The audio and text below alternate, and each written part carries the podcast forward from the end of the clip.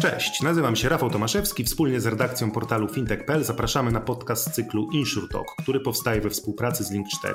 Jako pasjonaci branży fintech i insurtech zapraszamy do studia ludzi kluczowych dla rozwoju tych sektorów. Przeprowadzamy z nimi pogłębione rozmowy o skomplikowanych zagadnieniach, jak i pogawędki na nieco luźniejsze tematy.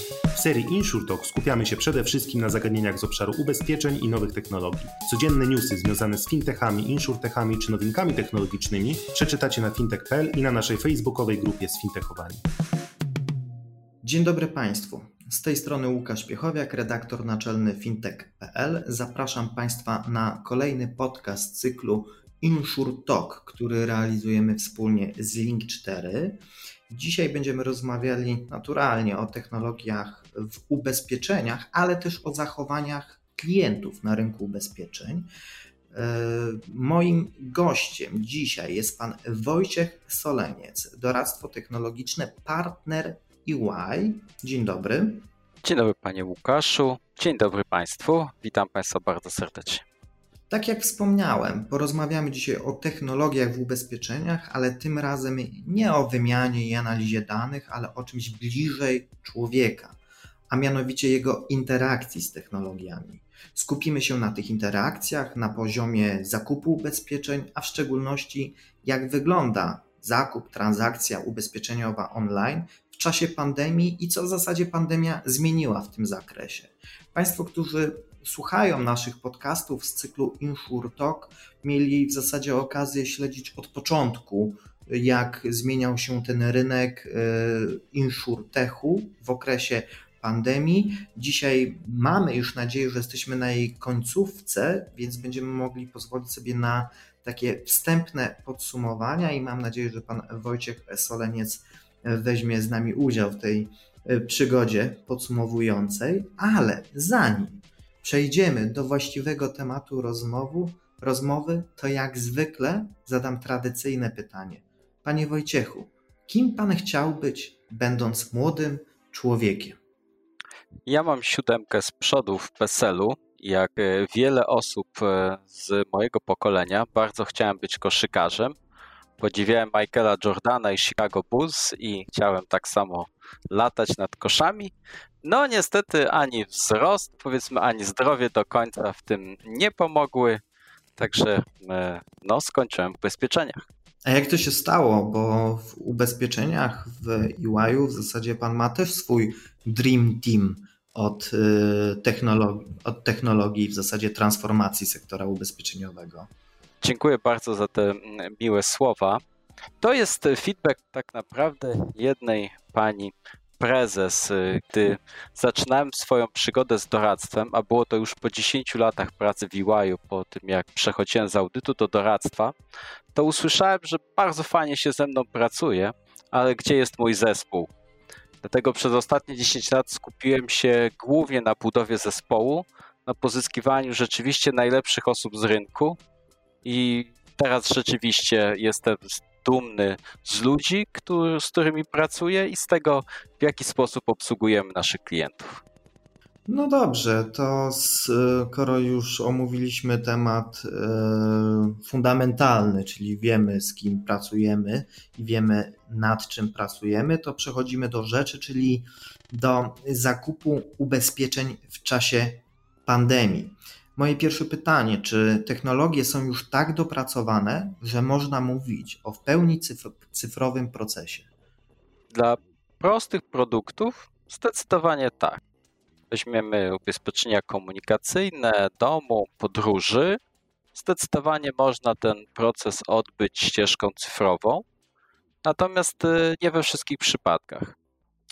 To, co jest y, pozytywne, i tutaj odwołam się do raportu, który przygotowujemy co pół roku odnośnie doświadczeń klientów ubezpieczeniowych z korzystaniem z funkcji oferowanych przez ubezpieczycieli online, to według naszego raportu, który ostatnio ogłaszaliśmy w październiku 2020, 49% klientów, których ankietowaliśmy, zgłasza taką zgłasza takie doświadczenia.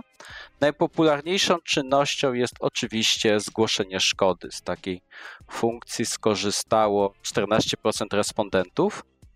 Co mm, jest nieco niepokojące, to obserwujemy w ostatnim roku z kolei obniżenie współczynnika NPS dla całego rynku ubezpieczeniowego.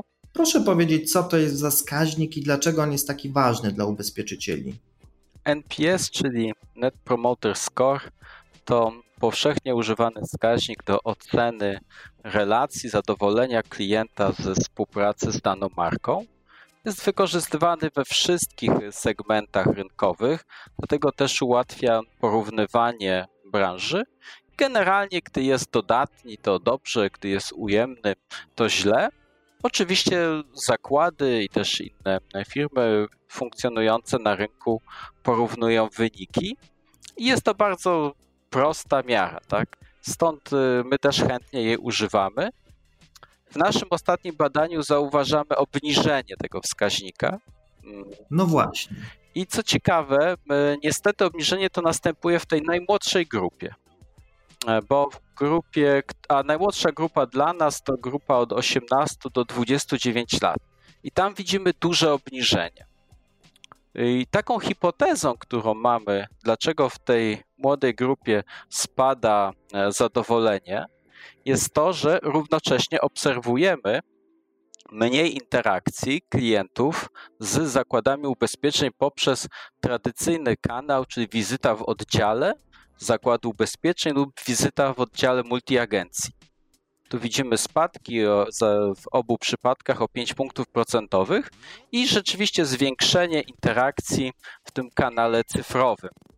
A niestety młodzi ludzie w tym momencie nie porównują interakcji z zakładem ubezpieczeń A do interakcji z zakładem ubezpieczeń B, tylko do tego, jaką mają interakcję z na przykład Netflixem. I tu niestety już zakłady ubezpieczeń dobrze nie wypadają. No dobrze, a co jest ważniejsze przy zakupie ubezpieczeń? Platforma technologiczna, wygoda, oferta, może bezpieczeństwo? Chociaż jak się dłużej zastanowimy, to przy zakupie ubezpieczeń nie wydaje mi się, żeby klienci, którzy porównują, e, porównują rozwiązania do, ubezpieczeniowe do Netflixa, żeby zwracali na to uwagę. Jaka jest Pana perspektywa? Myślę, że każdy z tych czynników, które Pan wymienił, jest bardzo ważny. Natomiast y, kluczowe jest patrzenie na całość doświadczenia klienta. Czy w kontakcie z daną marką proces jest płynny, wygodny i rzeczywiście ten benchmarking w postaci trendsetterów z e-commerce jest niezwykle wymagający. Mm, mogę powiedzieć, że na szczęście branża finansowa to dostrzegła, zaczyna działać w tym kierunku. W jednym dużym zapytaniu od pewnego dużego banku, który, na które ostatnio odpowiadaliśmy odnośnie omnikanałowości, był wprost wskazany właśnie Netflix jako benchmark doświadczenia klienta. No, wygląda na to, że wszystko się zrobiło bardziej cyfrowe i też dążymy do tego, żeby e, równać może do najlepszych ze swoimi usługami. Nie ma chyba w tym nic dziwnego, ale gdybym miał zapytać Pana o to, jakie technologie InsurTech obecnie mają największe wzięcie, to jakie Pan technologie by wskazał? To jest rzeczywiście bardzo rozległe pytanie. Ja bym je tutaj podzielił na kilka obszarów. Zacząłbym może od obszaru sprzedaży. Myślę, że to, z czym borykają się w tej chwili ubezpieczyciele, to jest właśnie czym zastąpić ten spadek fizycznych wizyt klientów w zakładach ubezpieczeń czy w oddziałach multiagencji. I tutaj takim rozwiązaniem jest przejście z tak zwanego face to face na screen to screen, czyli na kanał wideo sprzedaży.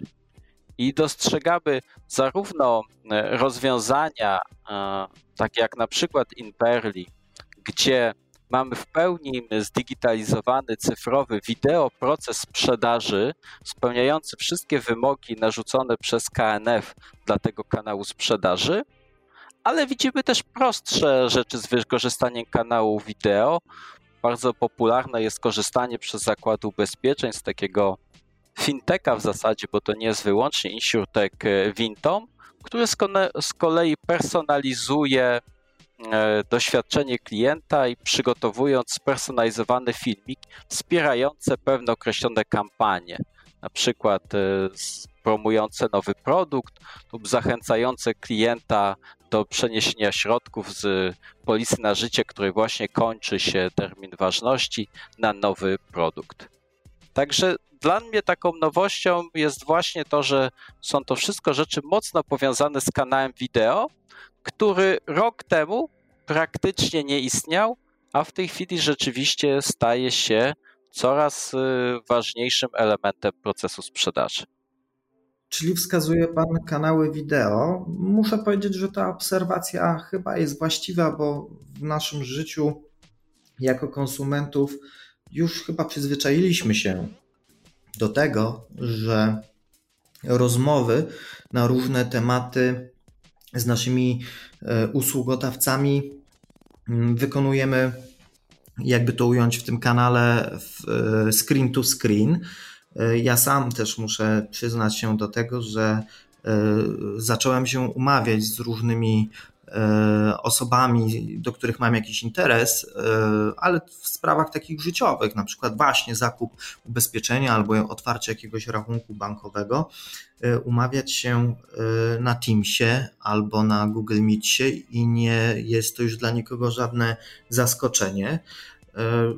Ale gdzie w tym wszystkim jest miejsce dla agenta, skoro mamy tyle kanałów cyfrowych, mamy tutaj e, filmiki spersonalizowane, mamy tutaj coraz lepiej dopracowany proces, tak jak Pan wspomniał, w wielu produktach, nie we wszystkich, ale we wszystkich ten proces się e, profesjonalizuje i jest coraz lepiej skalibrowany, a, ale jest jeszcze ten nasz y, agent, y, fizyczny człowiek, który ma niezbędną wiedzę, doświadczenie, zna portfel usług różnych ubezpieczalni.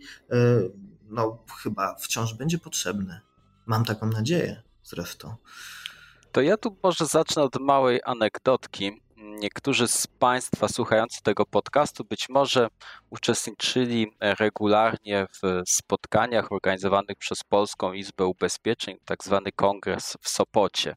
I tam kilka lat temu jeden z prezesów dużej firmy konsultingowej prognozował, że około 2020 roku właśnie 80% tej interakcji, sprzedaży będzie szło przez kanały cyfrowe. I wywołało to pewien taki no, zaskoczenie, niedowierzanie. Chyba słuszne tak, bo ze wszystkich badań, które prowadzimy, to wynika, że około połowa ludzi tak bardzo chętnie chcemy więcej w online. I również połowa mówi, ale dla mnie bardzo ważny jest ten kontakt z drugą osobą. Dlatego raczej nie spodziewamy się zmniejszenia roli, wagi agenta, to co się spodziewamy, to dużo większej migracji, częstszej zmiany klientów, korzystania z poszczególnych kanałów. I na to zakłady muszą być e, przygotowane i w praktyce obecnie nie są. Agent nie ma informacji o interakcji klienta z zakładem ubezpieczeń na portalu czy w komunikacji mailowej, ta informacja zwykle albo nie jest zbierana przez zakład ubezpieczeń, albo że jest zbierana, to nie przepływa do agenta. I rzeczywiście takie w pełni omnikanałowe podejście, jeżeli sobie o tym pomyśleć, no jest bardzo trudne, ale wydaje się jedyną drogą. Jeszcze odnosząc się do naszego raportu z badania doświadczeń klientów ubezpieczeniowych, to już tak bardzo konkretnie, porównując październik 2020 do marca 2020, w procesie zakupu znaczenie agenta wzrosło dla polis mieszkaniowych, to było dla nas pewne zaskoczenie, utrzymało się na tym samym poziomie dla polis komunikacyjnych i na życie, a mocno spadło przy ubezpieczeniach podróży, czyli pewnie tym najbardziej zdigitalizowanym, ale też i najprostszym e, produkcie. Natomiast na wszystkich etapach procesu zakupu, czyli budowanie świadomości, zdobywanie informacji, sam zakup i obsługa pozakupowa, cały czas agent jest ważny.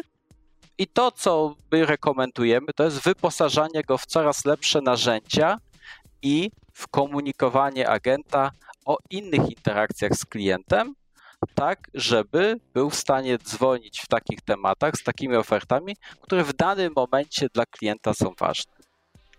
Czyli training and technology, można by było to tak podsumować.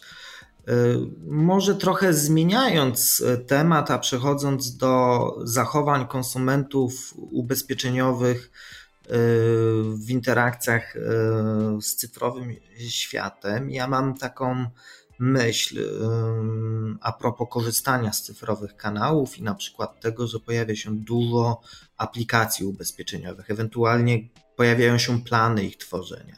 Ja osobiście powiem, że oczywiście się ubezpieczam, ale ja aplikacji ubezpieczeniowej swojego ubezpieczyciela nie posiadam, ponieważ jest to ubezpieczenie jest kwestią sporadyczną. E, nie mam potrzeby zaglądania tam codziennie, czy też nawet co miesiąc. W sumie powiedziałbym, że zwykle tylko odnawiam jakąś polisę. Więc e, moje pytanie do eksperta, czy w ogóle jest sens tworzyć takie rozwiązania jak aplikacja ubezpieczeniowa? Ten temat to myślę, że już e, wielokrotnie na różnych forach się pojawiał, był dyskutowany i chyba konkluzja dla rynku ubezpieczeniowego jest jasna.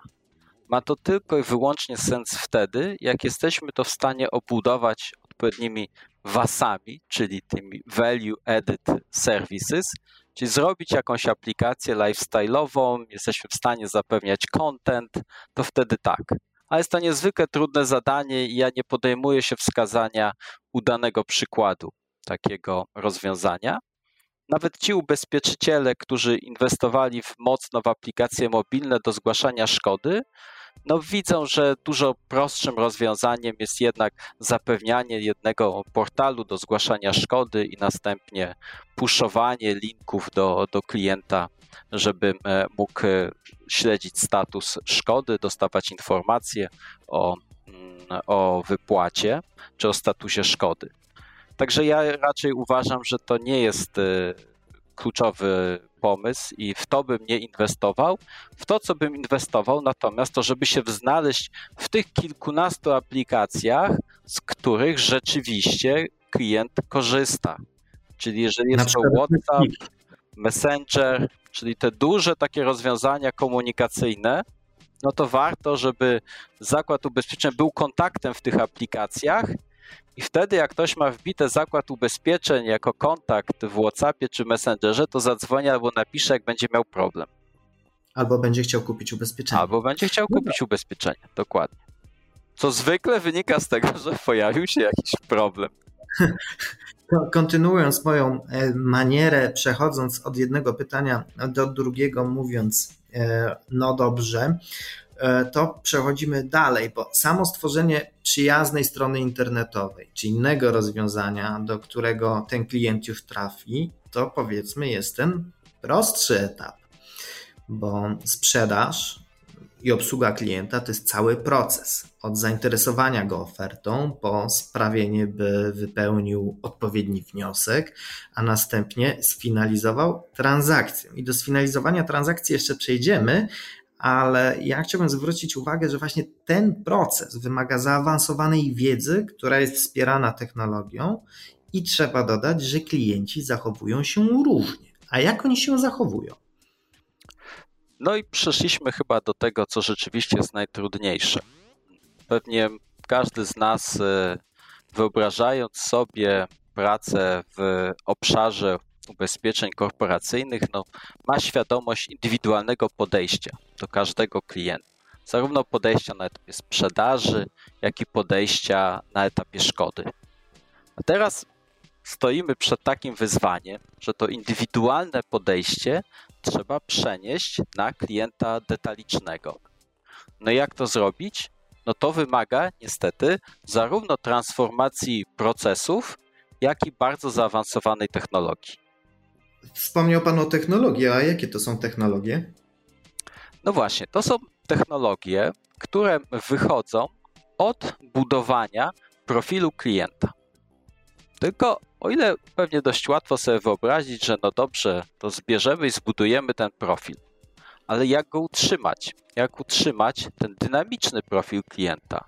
Profil, który może się zmieniać w real time, bo on może chodzić po naszej stronie i w streaming danych tego, co on robi na naszej stronie, powinien trafiać do tego profilu.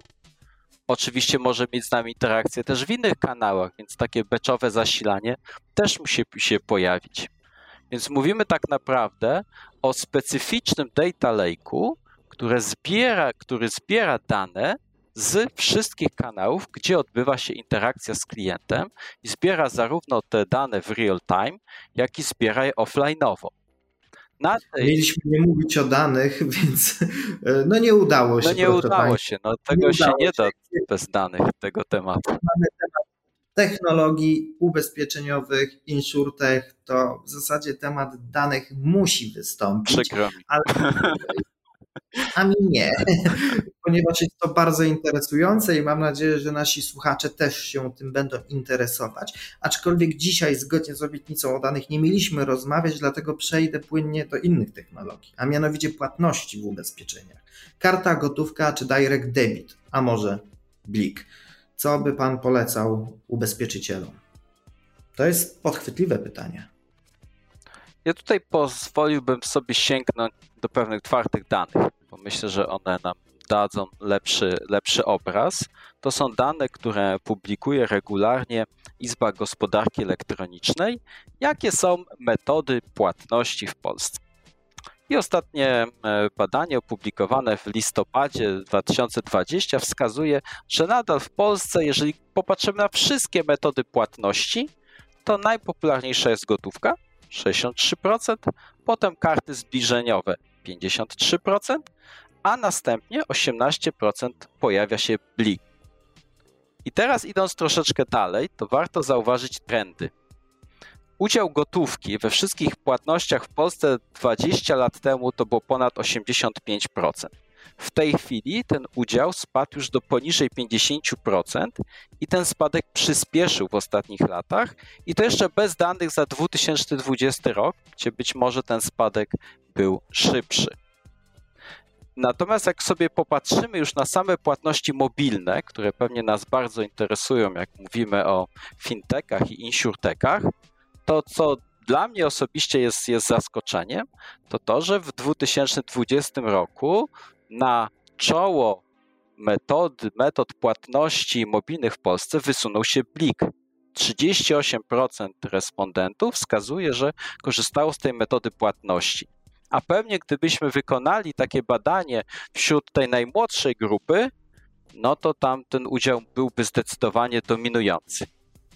Natomiast Blik ma taką, nazwijmy to, grupę pościgową. To oczywiście są płatności zbliżeniowe, ale też wszystkie płatności takie jak Apple Pay, Google Pay, które oferują jeszcze lepszy w internecie, jeszcze szybszy sposób płacenia niż Blik.